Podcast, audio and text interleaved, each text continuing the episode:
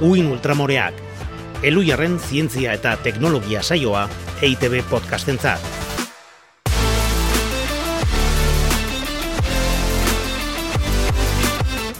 Kaixo Ana Galarraga aiestaran, Kaixo alaitz otxoa deribe agirre. zer modu zaude?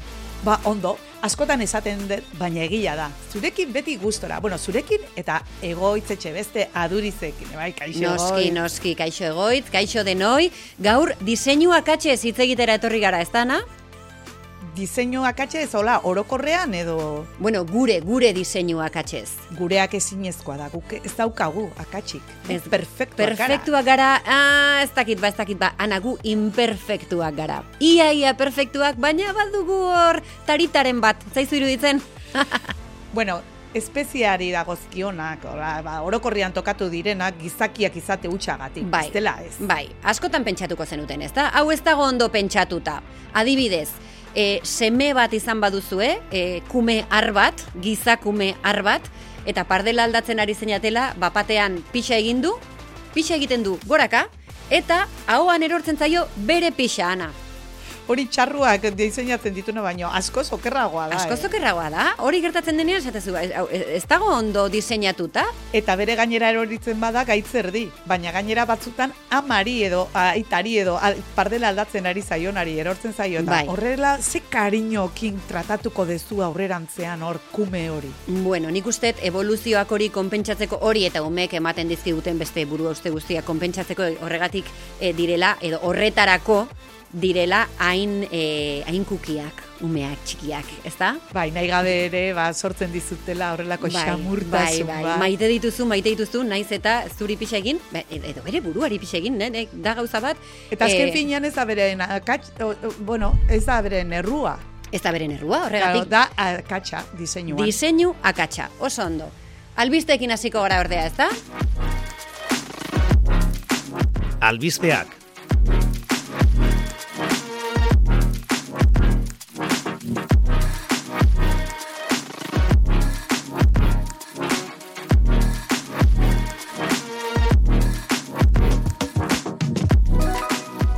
Eta lehenengo albistea, ba, endometriosiarekin lotutakoa zer Mhm. iruditzen. Jende pila bate dauka, emakume. Jende pila batek dauka.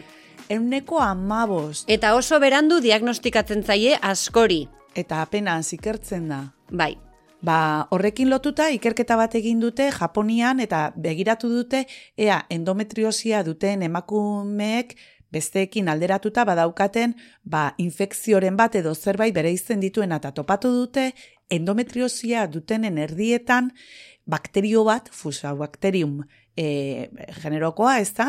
Mhm. Bestek ez daukatena, bestek euneko zazpian bakarrik topatu dute Mhm. bakterio hori. Hortaz, korrelazio bat topatu dute bakterioaren eta endometriosia pairatzearen artean. Are gehiago, inokulatu diote bakterio hori xagu eta arratoiei eta ikusi dute azaltzen direla endometriosiaren lesioak. Ostras! Eta eman diete antibiotikoa bakterioaren kontra eta asko hobetu dira.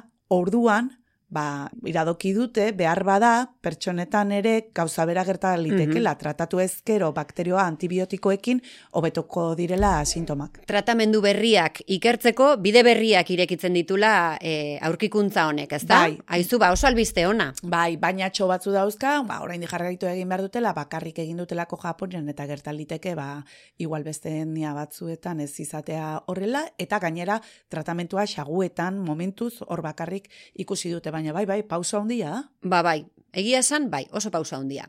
Nik beste albiste bat daukat, munduko urtegiak gero eta utxago daude, naiz eta ur erreserbak handitzen ari diren urtegi berriak eraikitzearen ondorioz. Horixe jarri dute agerian, satelite bidez mundu osoko urtegietako erreserben bilakaera aztertuta. Hogei urtez egin dute azterketa hori.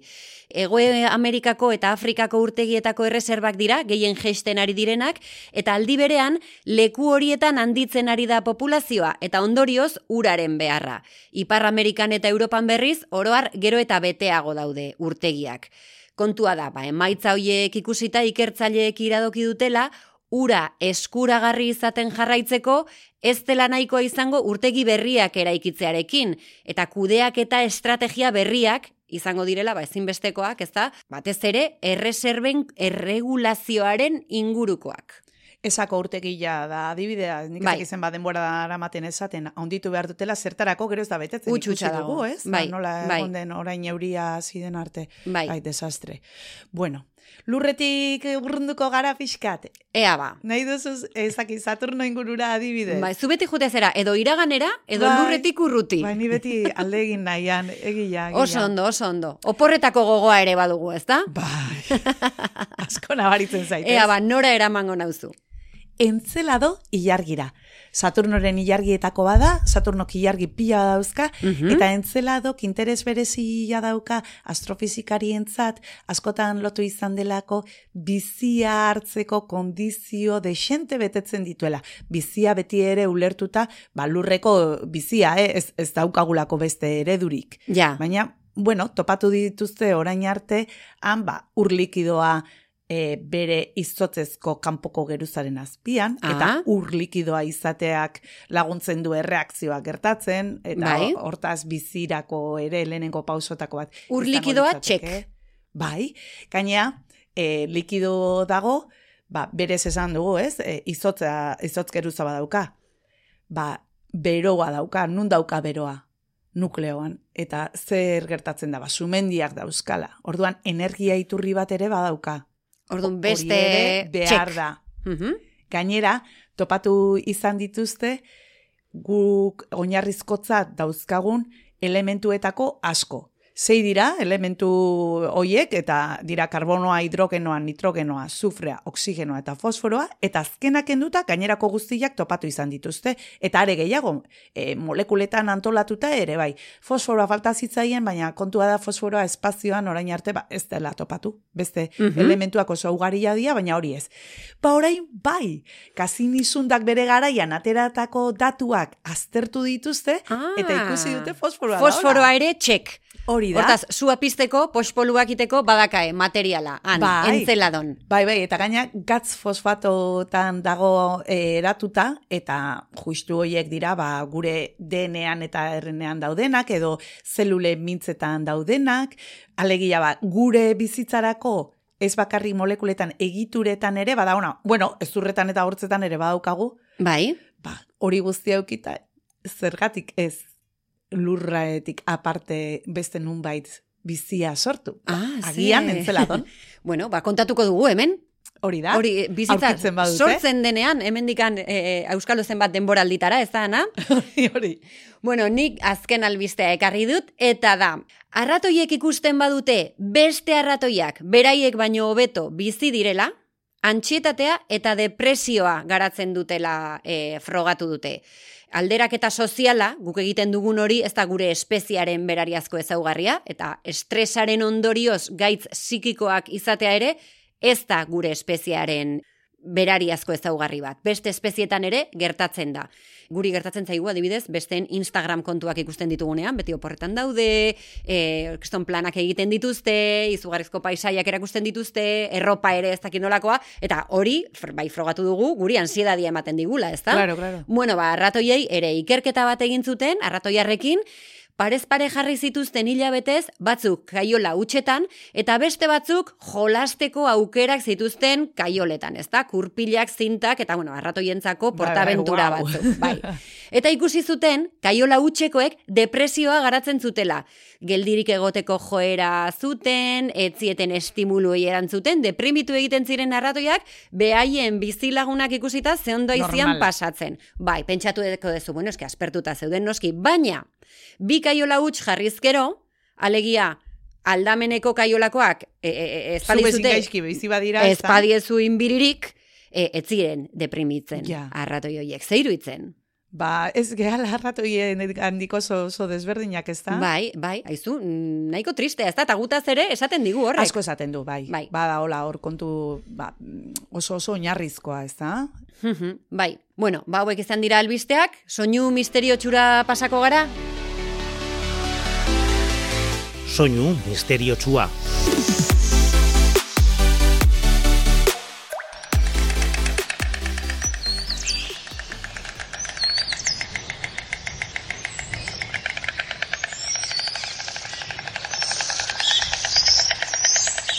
Eta, laitz, ze, ze iruditzen? E, Hor tak, tak, tak, tak hori da asmatu behar dena, eh? Bestia Bai. dira, hor txoritxoak, eta bueno, zen makina o, ze, zer da. O. baso bat danez, ez da? Baso bat da. Bueno, nik txoriak eta hitze baitut, Txorila da, pentsatuko bai, dut, da, baso bat dela, e, okila dela esango dut, pixkat fuertea iruditzen zait. E, onik okila, seguramente, mm, urrutitik entzuten den normalean, eta suabeago iruditzen zait, baina e, soinu hori egiten duen hegazti bat, okila iruditzen zait. Urruti, urruti, urruti ere ez zabiltza, eh? Ez? No, bukaeran argituko dugu, vale? Ah, orduan ez da okila. Me katxiz? Ikusiko dugu, ikusiko dugu, bukaeran, bukaeran. vale. Uin ultramoreen begirada.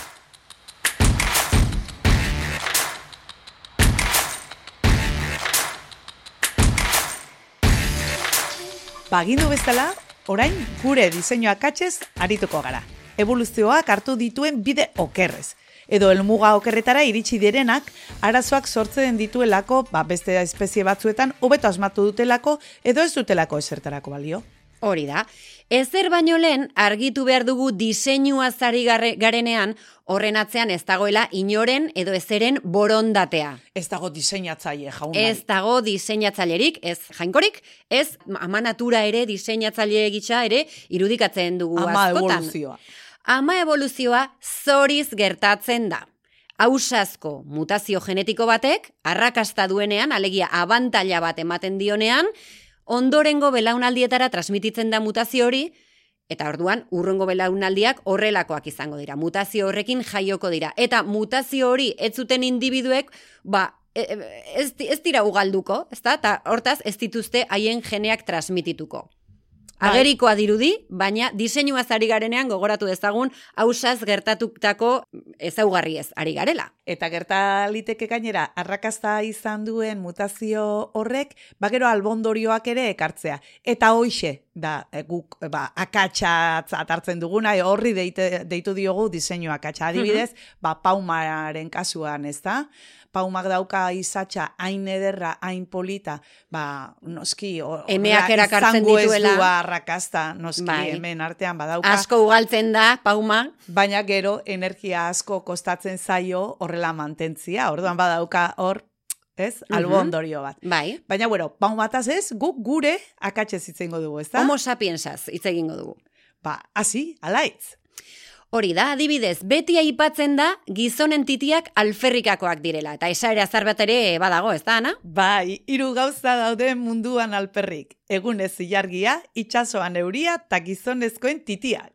Ba, hala ere, nik esan berdet ez nagoela ados, ze titiak plazer iturria dira, gizon askorentzat, azken finean oso sentikorrak dira, nervio bukaera asko dituzte, eta beraz, ba, ez dira, esaera horrek dioen bezain alferrikakoak, ez da? Orduan horiek zerrendati fuera? Zerrendatik fuera. Esnerik ez dute ematen, baina nik uste badutela bere, bere funtzioa. E aurreko batean, artikulu bat ikusi nuen honi buruz, eta lehen lekuan, diseinuak atxoien lehen rankinaren lehen postuan, gizonen genitalen kokalekua aipatzen zuten. Gizonen genitala nun dauden, korputzean? Bai, e, ze zentzu daka, hain agerian egotea, hain zaurgarriak eta garrantzitsuak izan da, ez da? Oh, Espeziaren claro, claro. biziraupenerako. Hobeto leudeke, barruan babestuta, ba, birikak eta bihotza bezala, ez egindako kaiola batean, hor salbu. Mm, Gero horri biltzen dira beti beldurrez, ezta? Min hartuko te duten, galtzak gehiegi estutuko dien. Bai, bai, batzu benetan beldurtuta egoten dira, eh? Ez dutzaren kontuarekin horregatik anaka zabal-zabal eginda Bai. eseritzen dira, ez da? Bai, diseinuak atzena barmain bat, ez da, Ana? Baina erruan orena da, Ba, espermatozoidena. Kontua da gorputzaren ohiko temperatura hogeita amasei terdiko hori, ba, bero egia dela ondo garatzeko espermatozoideak. Eta hortaz, ba, freskuran egon behar dute, ba, lehen nola janaria jartzen zuten hor, baserrietatik kanpoan trampanduran edo, bai, Hola, fresko Freskeran. egoteo- ba, freskeran, ba, berdin. Espermatozoidiak ere, korputzetik kanpo gordetzen diren egituratan daude, ba, freskuran. temperaturaren gatik. Claro. Bueno, gizonak utziko ditugu pakean, pixkatean, eta emakumeon, emeon, akatsez arituko gara, ze evoluzioan aurrera pauso handi bat izan zen bi hanketan ibiltzea, baina horrek pelbisa estuagoa izatea ekarri zuen, emakume gehienen kasuan, ez denon kasuan.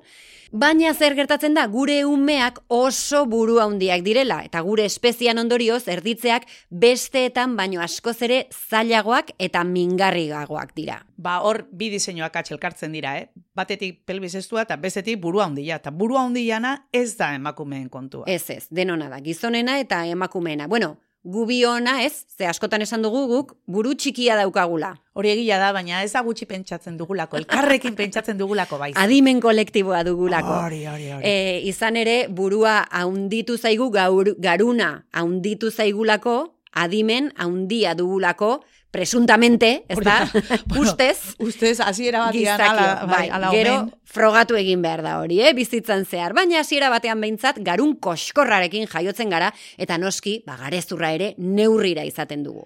Horregila da diseinua katxa egonda ere, ba, saiatu dela eh, evoluzioa la pixka bat konpontzen, eta ezurra, garezurrarenak utzi ditu guztiz lotu gabe, ba, gero hor erditzeko kanalean eta egokitzeko eta pixka da Bai. forma hori hartzeko, ez da, txak. Bai, bai, behintzat bigunak dira, ez da? Hori da. Buru handia da, baina biguna. Hemen ordia akatsezari gara, eta bi hankatan ibiltzea aipatu dugunez, horrek beste akats bat ere ekarri zuen. Bizkarreko mina izateko joera, izan ere beste ugaztunek bizkarrezurra horizontalean dute, eta hornoen arteko kargak ondo banatzen dira. Guk berriz, vertikalean ditugu hornoak, eta bekoek goikoen presioa jasaten dute. Horregatik, ohikoa da, batartean behin bizkarreko mina izatea gerrialdean, ana. Desastre. Eta C vitaminarena ere, bueno, markada gero. Kontua da gure gorputza badakizu ez dituela vitamina eta mineral guztiak sortzen, ba, beharrezko dituen horiek, Bai. eta horiek kanpotik hartu behar ditu. Eta horien artean dago C vitamina. Ba, C vitamina sortzeko gure gorputzak ia pauso guztiak ematen ditu, bukaerakoak izan ezik. Ah, ez? Ez, horiek ez. Eta horregatik, ba, eskorbutoarena gertatzen zen, ez? E, vitamina beharrezkoa da kolagenoa eta sortzeko, eta akordatuko zera gainera badago mito bat. Horregatik eramaten zutela itxasbidaia luzeetan, sagardoa, Ah, eta sagardoa, horregatik bai. Ez zirela. Bai, bai. Seguru nago, C vitaminaren gatik eramaten zutela sagardoan. Bai, bai, nik horregatik edaten badut, hor, horregatik da. Bai, Bai, katuak ordea ez dute behar. Hoiek badaukate metabolismoa, C vitamina behar duten guztia, ekoizteko bukaerar arte, ba, metabolismoko pauso guzti guzti. ai egia da. Horregatik ez dut nik inoizkatu bat ikusi, ez da? Laranja bat edo limoi bat miazten. Claro, claro, claro. Bueno, bueno, bueno, ze gauzak. E, beste akatsen nabarmen bat, gure estarrian dago. Janariaren eta airearen bideak bata bestearen ondoan egoteak arazo asko ematen ditu. Desbiderak eta txiki batekin erraz gerta daiteke jana edo edaria arnasbideetara joatea. Eta izu, itota hiltzaitezke, ezta? Espainian adibidez, iaz jende gehiago hiltzen zerbait kontrako estarritik joan da, autoistripuan baino.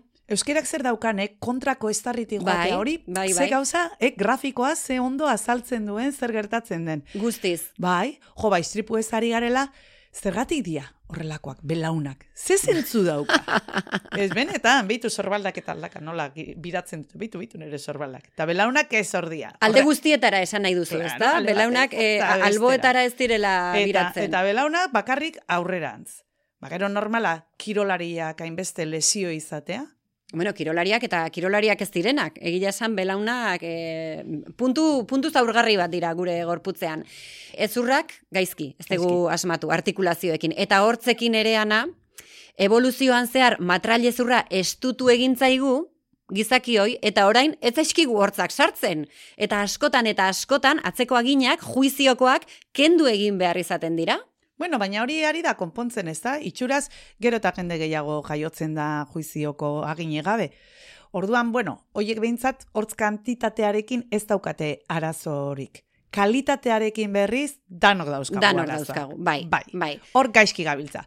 Claro, hogeita amabost urte zenean bizi itxaropena, ba, ondo, behin aldatzearekin hortzak, baina orain, laro gehi urterekin, behin aldatzearekin ez zaigu iristen. Egia, obsolesentzia edo sarkitze programatua dugu, edo gure hortzek dute, ezta? Eta orduan erosi egin behar ditugu hortz berriak. Ba, merkia da, ba.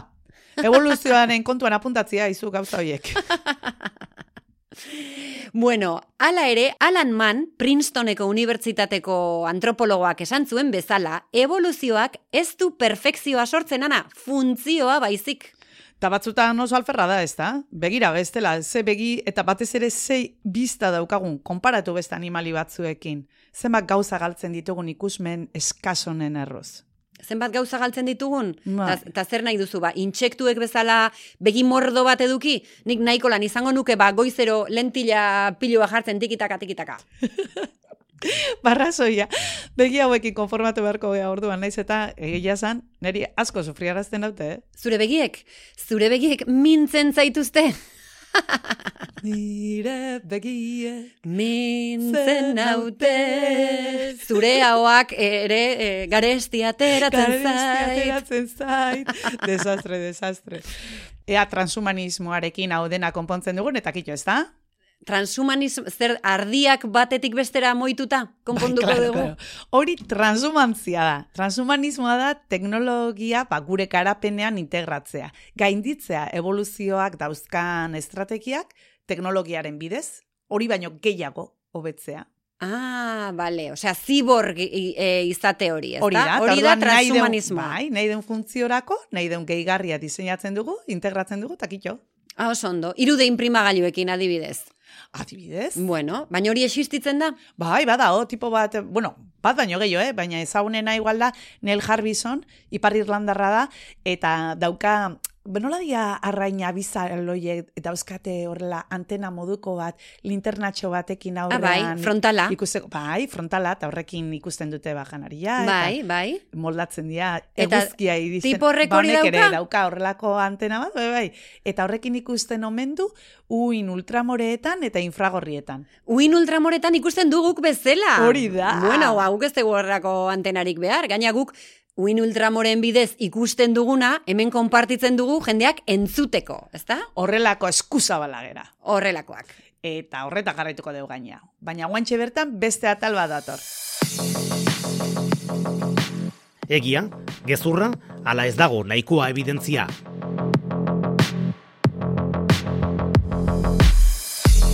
Ea ba, nik esaten badizut, eltxoarrek bakarrik heltzen dutela, eltxo batek pikatzen dizunean, arra izan dala eta ez emea, ze esango didazu? Hor bazen, bai, zerbait. Eme, emek ez dute, ez. Gezurra da, Hau gezurra da, gezurra da. Gezurra da. Gezurra da, gezurra da. Emeek pikatzen dute. Bai, hori da. Behar dutelako odola e, arrautzak eta osatzeko, Aha, ezta? aha. Seguru ala ere, hor belarrian bueltak ibiltzen dena eta eltzeak, baino oendik nazka handia ematen duen zzz, zzz, gau ez lautan ez dizuna uzten hori arra izango. Ez dakit, eh? Arfobia, arfobia Ez sumatzen dakit, dutenen. baina hor bada hoi ikerketa lerro bat, ikusi dezatela. Bai, Ni beste bat esango izot animaliekin baita. ea. Eta eltxoekin. Kontua da, zebren marrak eltxoetatik babesteko balio dutela. Marra zuri Bai, beltzoiek? bai, bai. Ba, hoiek Eh, eh, kamuflatzeko direla. Kamuflatzeko edo- behaien artian. Manadaren barruan kamuflatzeko balio diete. Ah, eta orduan eltsuak ez daki nori heldu edo nola? Eltxu, ez, nik esaten dut zure afirmazioa gezurra dela. Gezurra dela? Ba, egia da. Eta gainera egin zuten esperimentu bat hori frogatzeko ere, Ah, eta bai? margotu zituzten behiak, e, zebrak bezala, bai, nola badia ba, pijamak, eh, ba, ba, Bai, bueno, ba, bai. ba, ba, pijama bat egin zeten, baina pinturakin, margoekin. Bai. Eta askoz gutxiago heltzen ziren. Ostras, ah, ba, ba, ba, enekin, begira. Despistatu egiten dira, no? eta, eta ja Eh. ez dira, bai, libratu egiten dira. Bueno, nik a, espazioko kontu bat ekarri dizut zure gustoko horietakoa. E, izar bati eta bere planeta bati guta gutarrak deitu diete. Izen horiek jarri dizkiete. Ondo ekarri ja, guta gutarrak, zutagar jarri diote. Zutagar Zutagar, jarri ja, diete. Ofiziala da, hitz egin genuen uste eta aipatu genuela kontua, baina ja ofizialki deitu diete gar e, eguzki izar horri, ez da? Eguzki sistematik kanpo dagoen beste izar hori, eta Eta zu zu planetari. planetari. Oso ondo, oso ondo, asmatu dezu, eh? banekin, eh? baina Ai. bueno, bueno, bazpa ere, Ah, guta hori dut. gustatu Bai. zait, bai. Ba, nik hau behitu pixkat baitare espaziokoa, kontua da, ikusi dutela, lurraren errotazio ardatza, hau da, e, bira maten duenean eguzkiaren inguruan, Bai, e, lurra dago okertuta, ez da? bai, mapa, mapa, ez zea, mapa mundietan ere bai. Hoxe, hori da, Bai. ba, ardatz hori, are gehiago okertu da ekialderantz, ba, populazioa, giza populazioa ez dalako berdin hasi, ez da, orekatuta hasi, ekialdean jende gehiago jaio da, eta orduan, ba, Eta e, aruntza, bolkete etzanda. iten ari da planeta alde batera. Bai. Hori gezurra da, Ana. Hori. Gezurra da, e, gehiago jaio direlako dela. Baina egia da, ardatza okertu egin dela. Egitan? Bai, Ostras. gertatzen omen da, eh? Bebo, Eta oraingo honetan eragilea izan omen da, lurrazpiko urak erauzten ditugunean, ba, desoreka hori sortzen da, eta Bai? orain etzan da ekialderantz. Pentsa zenbat ur ateratzen dugu, gero urtegiak, lurrazpiko urak eta dena, eta ez zaigu iristen. Hor dago, doñana, okertzeko... eta bai. Ostras, bueno, bueno, bueno, ba, flipauta gatu naiz. E, soinu misteriotxua argitzia falta zaigu, Ana, jarri Ja, zazu berriro. ari gara. Bai, bai, bai. Baian, eh? Ba, hemen doa.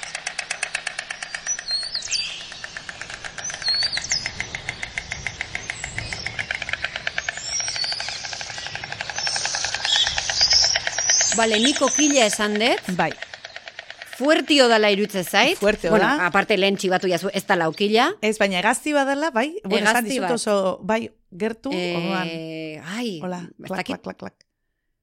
Hola.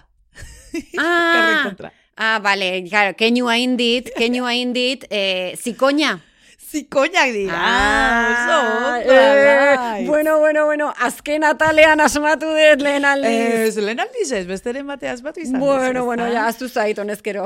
Bai, hau kontua da, nola, erabiltzen duten agurtzeko, elkar agurtzeko gaina, e, maite duten zikoinak elkar, maite dutenak elkar agurtzeko erabiltzen duten. Ah, bai? Iruditu zait, aproposa zela. Gu ere agurtzen ari garelako behar badana. Hori da, hori da. Ah, oh, Oh. Bueno, klak, klak, klak, klak egingo dizut nik ere zuri. Bai, bai. Hemen bukatzen delako, uin ultramoreaken denboraldi hau, ezta?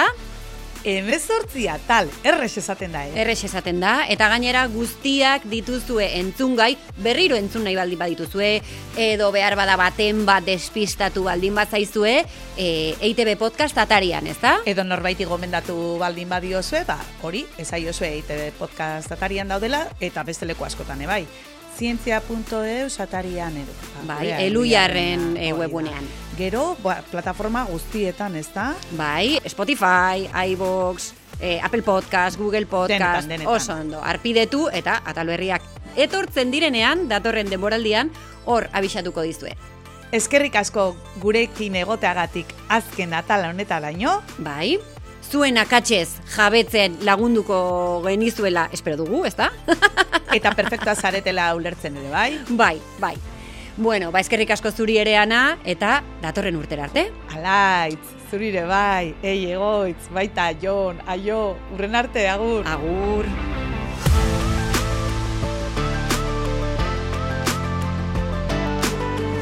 Uin ultramoreak